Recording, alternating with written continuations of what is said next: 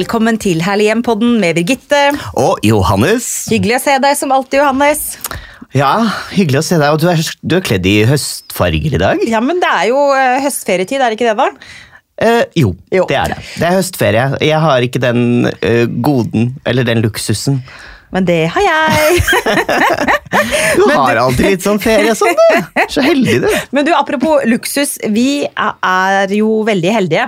Vi Ja. har snakket om det i en tidligere pod, men vi har vært så heldige å få være med på Gullfjæren også i år, som var et fantastisk arrangement på et helt i år Wow! Fantastisk sted, nemlig ærverdige Sommero hotell. Og det var en opplevelse, Johannes. Ja, det var eh, magisk, eh, vil jeg si.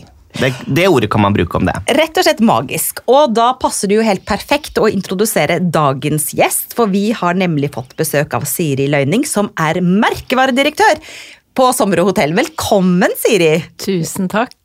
Du, em, først av alt, hvordan blir man merkevaredirektør på et sånn type hotell det her er snakk om? Eh, fortell litt om din bakgrunn, fordi jeg vet at du reiser rundt om i verden og bor på fantastiske hoteller, og det må jo rett og slett være drømmejobben?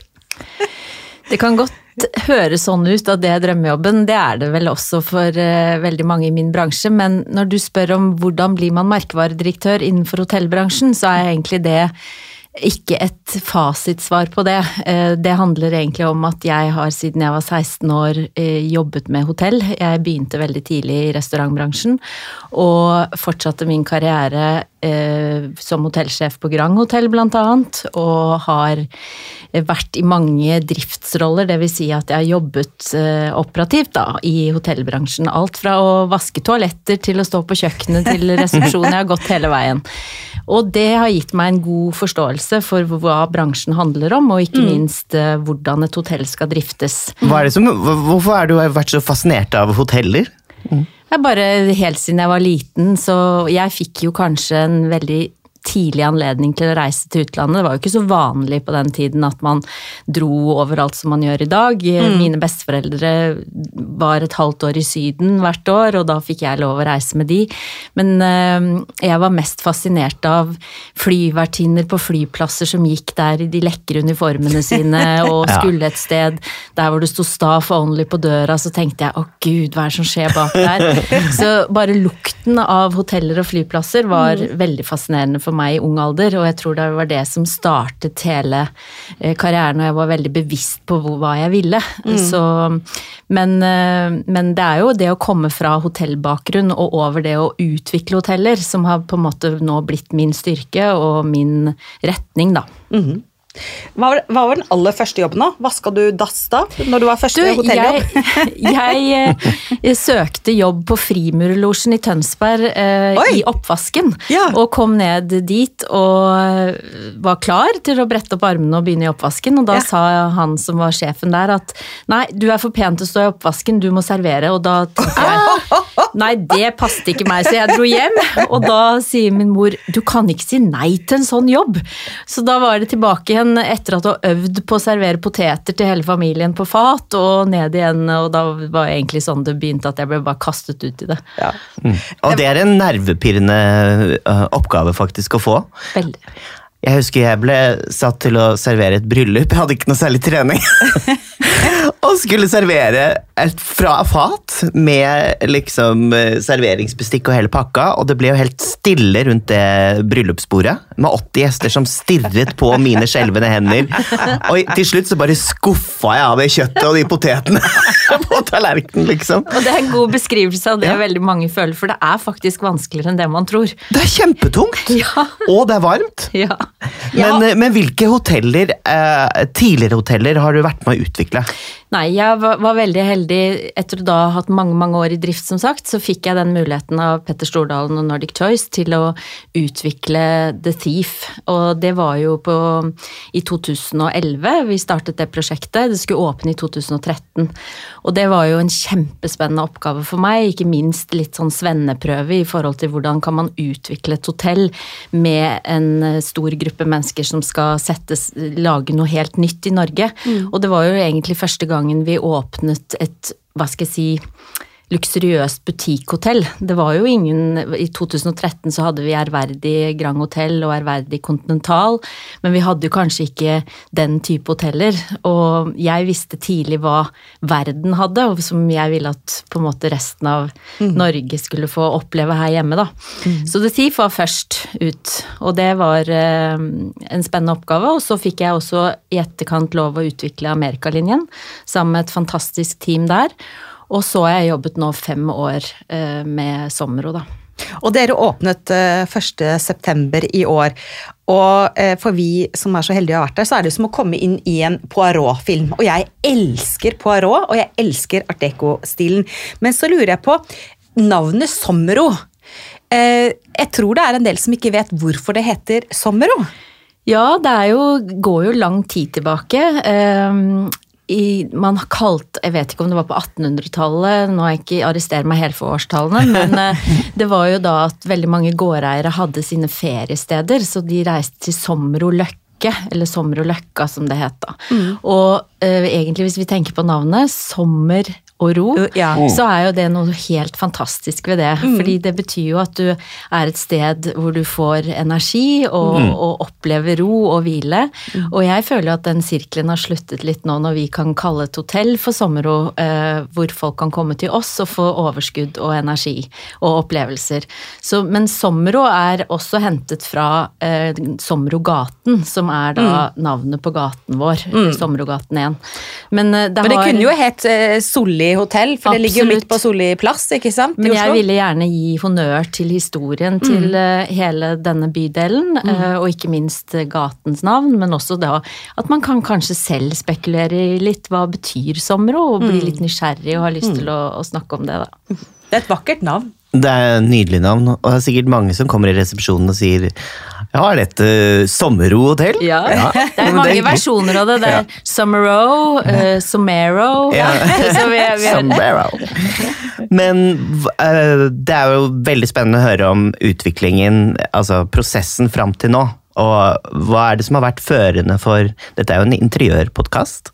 Hva er det som har vært førende for interiøret der? Det er jo to Det er en duo um, som heter Greco Deco, uh, som består av Adam Greco fra New York og Alice Lund fra London. De to fulgte jeg i nesten fire år med et prosjekt de gjorde i London som heter NED. Det er gamle British Midland Bank som har blitt et helt fantastisk hotell, også satt i art deco-perioden. Og jeg fulgte nøye med på den, det prosjektet deres, og jeg tenkte når oppdraget kom for Somro, og vi skulle gjøre noe unikt med dette 30-tallshuset, så tenkte jeg at det ville være perfekt å hente de to til det oppdraget. Mm. Men det var ikke så lett, fordi de var da ansatt i Soho House, og de i Soho House har vi jo over hele verden nå, og er fantastiske hoteller med en nydelig atmosfære. Og jeg ringte de og var veldig langt fremme i skoen og sa du, ja, vi trenger å få kontakt med disse designerne deres. Nei, det var det ingen som hadde noe e-postadresse å dele ut der. Så det ble en rask sånn 240 eh, tegn LinkedIn-henvendelse til Adam Greco i London, nei, i New York. Og fikk han til Norge eh, en kald februardag i 2017. Og da sto han foran bygget i en tweedjakke, og det var kjempekaldt ute og bare betraktet dette bygget veldig lenge før han gikk inn. Og han bare forsvant inn i vestkampadet, i bygget, på kontorene, overalt. Og, og, var helt totalt forelsket etter første besøk, så da visste jeg at, vi, at dette var i boks. Det, det, han kom til å, eller de kom til å ta på seg dette oppdraget. Men de er jo mestere i Det er jo et, det er jo et Altså, de er mestere i å gjøre lag på lag, hente inspirasjon fra gamle filmer, teater, eh, Oslo rådhus. De har reist landet rundt i Norge for å hente inspirasjon fra våre kjente store designnavn som Gerhard Munthe.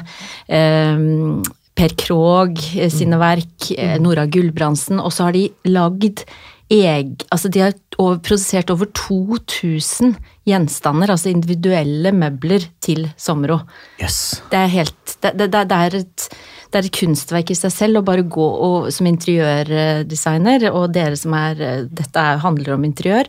Du kan gå i flere dager på Sommero og oppdage noe nytt. Mm. Så det er en, en en, eh, blandingsopplevelse av å være og nyte alt det beste et sånt lekkert hotell kan ha, men også veldig mye kunst. For vi blir nødt for å snakke om Per Krogh og hans freskomalerier, som jo er veldig sentralt i den store ekspedisjonshallen. Kan ikke du fortelle litt om det? Eh, Den kunsten. Jeg ble veldig fascinert. Jeg eh, syns dette prosjektet har lært meg utrolig mye om historien fra 30-tallet, og spesielt om, om Krogh. Eh, per Krogh var jo en kunstner som bodde mesteparten av livet sitt i Paris, eller store deler av livet sitt i Paris.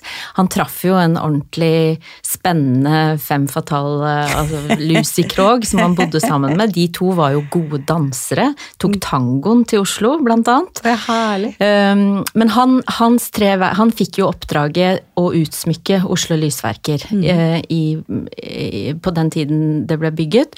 Og tre store verk er veldig sentralt i bygget. Ekspedisjonssalen, det store som representerer vannkraftsanlegget, altså elektrisiteten til um, til Oslo. Oslo. Og så har han eh, lekt seg nede i Vestkantbadet med den store mosaikken med eh, svømmende kvinner og seler, heter dette verket. Og så, og det Vestkantbadet åpner vi nå i november, så det blir eh, helt, helt magisk. Å, jeg er så glad for det. Ja. Det er så fint! Ja, Ja, det er fint, og det blir åpent for alle. Åpen for alle. Og så har han smykt ut 16 felt i taket, der hvor dere var, mm. Gullfjern, Ja. eh, i Krogsalen. Ja. Og hva er er, ganske- ja, ikke sant? og hva er de motivene? Nei, det er jo før eh, elektrisiteten kom, så det er folk i manuelt arbeid. Men tenk at han lå på rygg og malte det i taket, og det var den gamle kantinen til Oslo Lysverker sine ansatte. Jeg tror ikke vi har sånne kantiner i dag. Jeg, jeg har i hvert fall ikke funnet noen. Nei, for Vi må jo også snakke litt om Oslo Lysverker, som jo da holdt til i dette bygget fram til eh, hvilket år? Oi, nå, det burde jeg ha visst, men eh, det, det vet jeg ikke. Men jeg vet jo at historien til bygget er veldig spennende, fordi at det har jo vært eh, betydd veldig mye. Dette med Vestkantbadet har jo vært åpent helt fram til vi tok over. Ja. Så når vi tok over i 2015, så var det jo Mange tenkte hva skal skje med Vestkantbadet? Skal vi eh, stenge det ned? ikke sant? Skal det ikke være åpent igjen for, eh, for publikum? Eh, men så har det jo vært kontorer. Nav-kontor, Ja. altså vaksinestasjon. Og, og, og når du har What a waste! ja. Og, og et bygg som er lukket, da. Ja. Det er jo ikke sånn, Hotell er alltid åpent. Ja. Så nå kan vi jo åpne det opp for alle, og alle kan få se verkene til Krog, og Ja. se disse, Ja. eh, det interiøret som er intakt fra 30-tallet. Ja. Det er jo masse som faktisk er, eh, er bevart. Og i selve ekspedisjonshallen, der den kule baren er, og restauranten er, der var det folk gikk og betalte eh, regningene sine, var det ikke det? Jo. Til, til Oslo Lysverker. Så da, da trådte man opp dit manuelt. Det var jo ikke sånn som vi betaler regningene i dag. Da gikk man dit, og så stilte man seg i kø og satt på benken og ventet og gikk og betalte regningen. Så her er det både norgeshistorie og Oslo-historie Ja. Som nå er tatt tilbake og gjort fantastisk. Det er en opplevelse. Jeg vil bare oppfordre alle lytterne som har mulighet til å ta en tur, og faktisk gå dit. eh, Gå og titt, ta en kopp kaffe, eller spise løksuppa, som har fått kjempegod kritikk. eh, Eller ta en drink i baren, eller hva som helst. Det er rett og slett en, en kunstnerisk opplevelse å se det. Det er jo ganske kul planløsning inni det rommet, det enorme rommet. Mm. Hvilke hensyn måtte dere ta til det som allerede var der, kontra det dere har laget på nytt? Det, det, det, er, det er ikke enkelt, men det, mange sier at det er enkelt i dag å bygge nytt, for da kan du få bestemme selv hvor veggen skal stå, hva som skal gjøres. Her har vi fått et bygg, og ta, overtatt et bygg som er fredet innvendig og utvendig. Og det byr jo også på utfordringer, da. Veldig. Og, og det, jeg har blitt veldig godt kjent med Byantikvaren og Janne Wilberg, og de har jobbet tett med oss i, over, i, i utallige møter. Eh, Men det var jo veldig mange føringer på hva vi fikk lov til og ikke fikk lov til, og spesielt ekspedisjonssalen, som hadde da et nedsunket gulv på midten, og akkurat slik du fortalte, Birgitte, hvor man kom inn der og betalte regningene sine, så satt funksjonærene litt høyere opp på hver side. Så vi måtte beholde det nedsunkne gulvet. Og da, hva skulle vi gjøre da? ikke sant? Vi skal gjøre dette til en lønnsom eh, bedrift også. Det er jo ikke bare at vi skal ta vare på alt som var. Så da la vi barn i, i midten. Så nå har vi jo på en måte bartenderne i øyekontakt med gjestene. Så nå, nå, og barkultur har vi jo nesten aldri hatt på samme måte i Norge på dagtid. Altså vi har barkultur på kveld, men ikke på dagtid. Nå sitter folk rundt baren hele dagen. Det har blitt et samlingspunkt. Ja. Og så har du damer som sier nei, nå føler jeg meg nesten som i Paris, jeg tar meg et glass champagne. Ja. ja. Eller du har de unge som sitter og, og, og, og skravler og har et møte, eller noen kommer inn med barnevognen og bare plasserer den litt i hjørnet og, og tar seg en liten pause. Det er så fantastisk å se hvordan det rommet har blitt tatt i bruk. Og bare ved noen få grep, da. Så egentlig skal vi jo takke Byantikvaren for at vi måtte beholde det der nedsunkne gulvet. Ja, Man blir tvunget til å tenke kreativt på nye måter, ikke sant? Veldig. og det gir ofte helt spektakulære resultater. Det er veldig kult med den scenen igjen nå, hvor det alltid klokka sju, er det sånn? Det er livemusikk hver dag, eh, og så har vi jo eh, fantastiske artister også som spiller med husbandet i helgene. Men eh, live Og de synger da coverlåter av Bon Jovi. Ja, Nei, la, jazz, Jazz, jazz. ja. Jeg La, eller, jeg tror musikk og kultur, altså det som er viktig med hele um, vårt eh, somro, er jo ikke at vi skal, alt skal være så perfekt. Du skal elske det imperfekte, du skal ta vare på det gamle og det nye. Men du skal også skape en atmosfære. Det er jo atmosfæren som gjør at du har lyst til å gå tilbake til et sted. Du kan ha så fancy møbler og, og fin arkitektur og design så mye du vil, men du må skape den atmosfæren. Jeg leste et sted at du har sagt noe à la at det skal like mye være et opplevelseshotell som et type Ja. luksushotell eller Ja. et lekkert hotell. da. At man skal ha opplevelser når man er der. Ja, og det har vi rigget dette huset som. Det er derfor vi snakker om huset og ikke hotellet. Fordi Ja. at det, er eh, tre scener, det er på en måte mange eh, spisesteder, flere barer, utallige typer romkategorier, så det- på taket. Ja, og det er en enorm kapasitet. altså 231 hotellrom og suiter, så dere Ja. har jo stor kapasitet. Og da lurer jeg på, eh, apropos gjester, kan du røpe noen, eh, noen kongelige eller noen celebriteter? Eh, Noe snadder i boks som du kan dele med lytterne våre? Da spør du feil person, Birgitte. Nei, eh, diskresjon tror jeg er veldig viktig i forhold til å få et sånt hus til å leve, men jeg kan vel si at nesten, jeg føler vel alt eh, som kan krype og gå av, av Oslo-beboere har vært innom oss, og enten bare for å titte eller komme og oppleve huset. Så det er en god miks. Det jeg er veldig opptatt av, i hvert fall, når jeg er i restauranter og i barer og i store rom, er akustikk. Ja. Og eh, jeg syns ikke det var bråkete der. Nei, jeg er så glad for at du sier det her. Fordi jeg har jo vært den Det blir jo alltid en som maser mest, og det er jo da meg, om akustikk. Fordi at det er, betyr enormt mye for folk for å kose seg i et miljø. Og det skal vi jo tenke på uansett om vi innreder hjemme eller eh, hva skal jeg si, et hotell eller en restaurant. Fordi det er jo, da vil du oppholde deg lenger. Da, da føler du at du får energi, ikke at du, du tappes for energi. For dårlig akustikk kan virkelig ødelegge en kveld. Det er utrolig viktig, så jeg Det er ingenting som er verre enn å sitte og skrike over bordet uh, til dem du er ute og spiser med. Nei. Ja, det Eh, og det, det at måtte det- du ikke her. Nei, eller at musikken musikken ja, krangler krangle med, samtalen, ja, liksom. Og jeg tenker litt sånn på materialvalg og på fargevalg og de ting. Kan du si noe om det? Jeg er bare litt spent på hvordan dere har tenkt. Nei, det var jo det oppdraget Adam og Alice fikk, var jo å sette hotellet i den epoken, da. Og så kan man jo si at dette bygget er nyklassisisme som møter funksjonalisme, og med et preg av art deco, men det er veldig mye som er inspirert av art deco-epoken, og det de sa til oss, som jeg syns er veldig spennende, er at vi er ikke klar over vår arv, art deco-arv. Eh, Vi vet så mye om fransk og amerikansk og ikke sant. Vi kan, vi føler at eh, det kan vi se for oss, men vi klarer kanskje ikke å forstå hva vi skapte, så de reiste jo helt De reiste jo til Sykkylven til og med, i de gamle møbelarkivene til Ekornes og kikket. De har vært eh, i Nasjonalmuseet sine arkiver, og de har gjort et dypdykk i vår eh, kultur- og designarv fra 30-tallet, 2030-tallet, og funnet så mye spennende.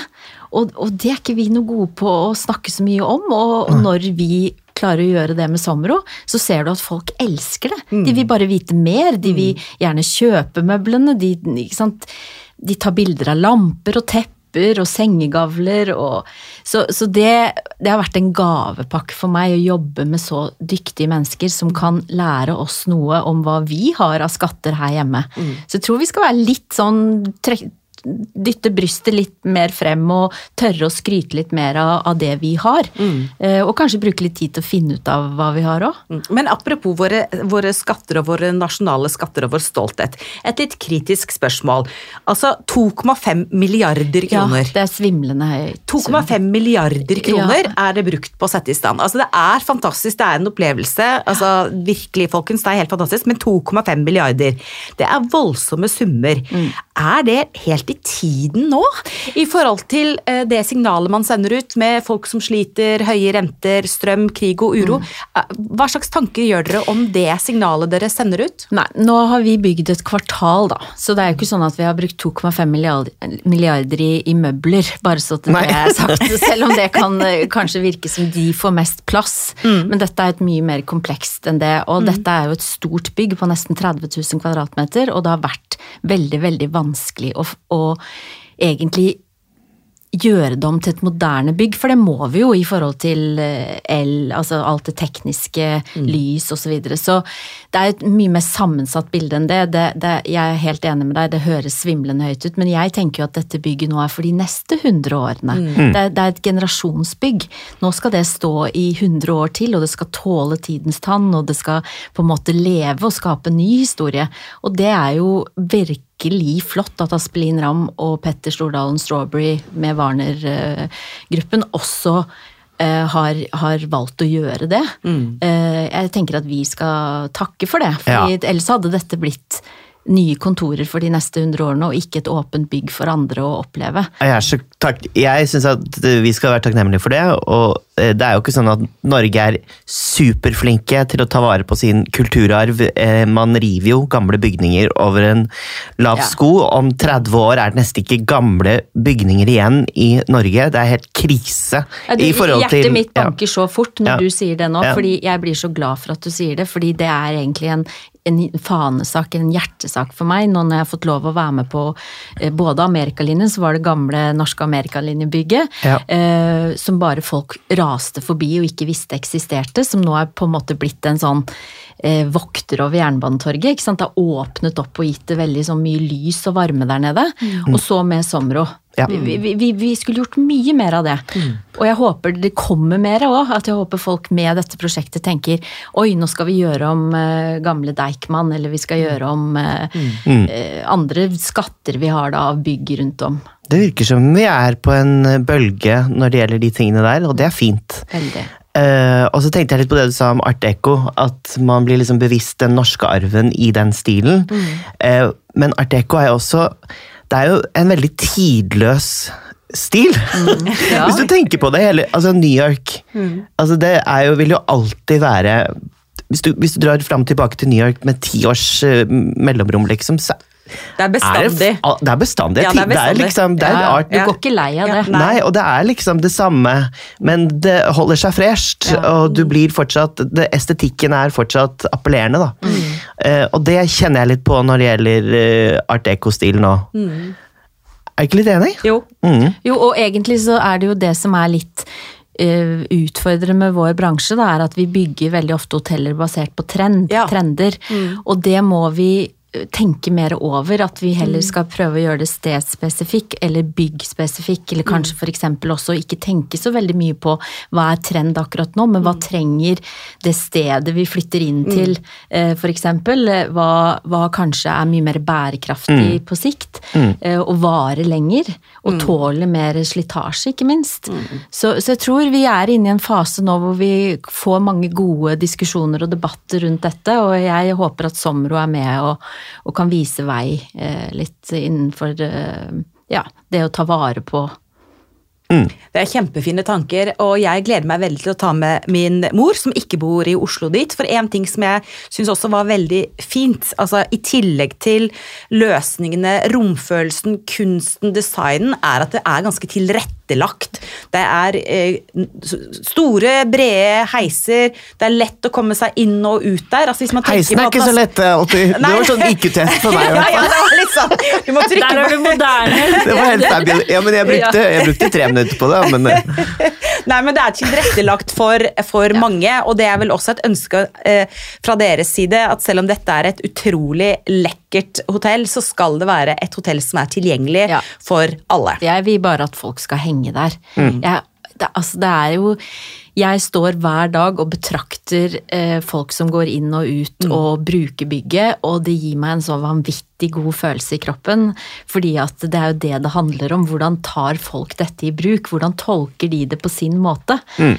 Alt fra tilbakemeldinger, folk som har overnattet, til bare vært med på magishow nede i Lysverket scene, eller en gammel klassiker inne i kinoen, og så skal de spise brunsj etterpå. Det er så mye gøy, men oppdage det på sin måte, da.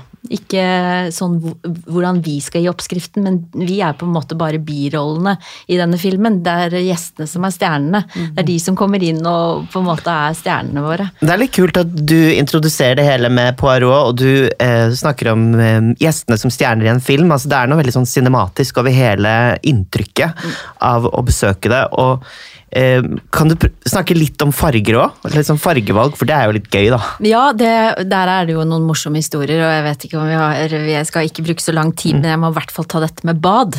Fordi at eh, baderom på, i art deco-tiden var jo veldig fargerikt. Og vi kan vel være ærlige om at veldig mange bad på hoteller er sorte og hvite, og kanskje ganske generiske.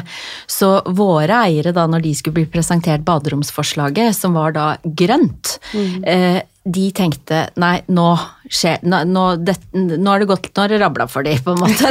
Nå, nå, nå har det gått litt langt. Vi skal ikke ha grønne baderom, men så, så klarte vi allikevel å overbevise dem om at skal vi ta den epoken helt ut, så må vi også ta baderom i ulike farger. For det var jo det art deco var ekstremt fargerikt. Og bad var jo veldig glamorøst på den tiden. Hvis du på en måte hadde litt penger, da, så investerte du veldig mye i badet ditt. Så det var jo bad som viste egentlig folk at du hadde litt penger.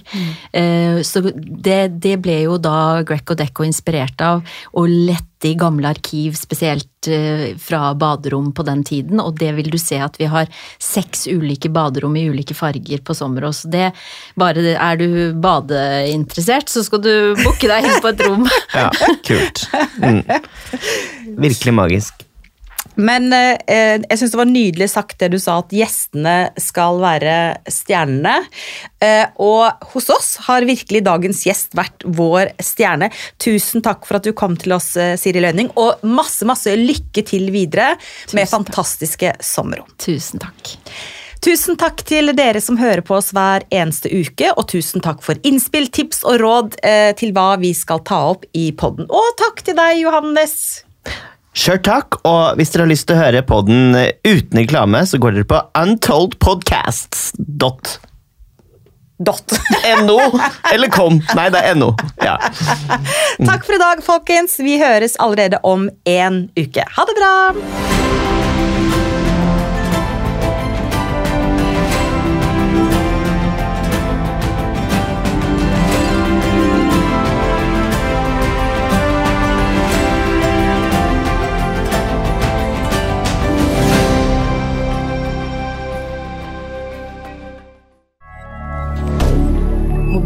Media.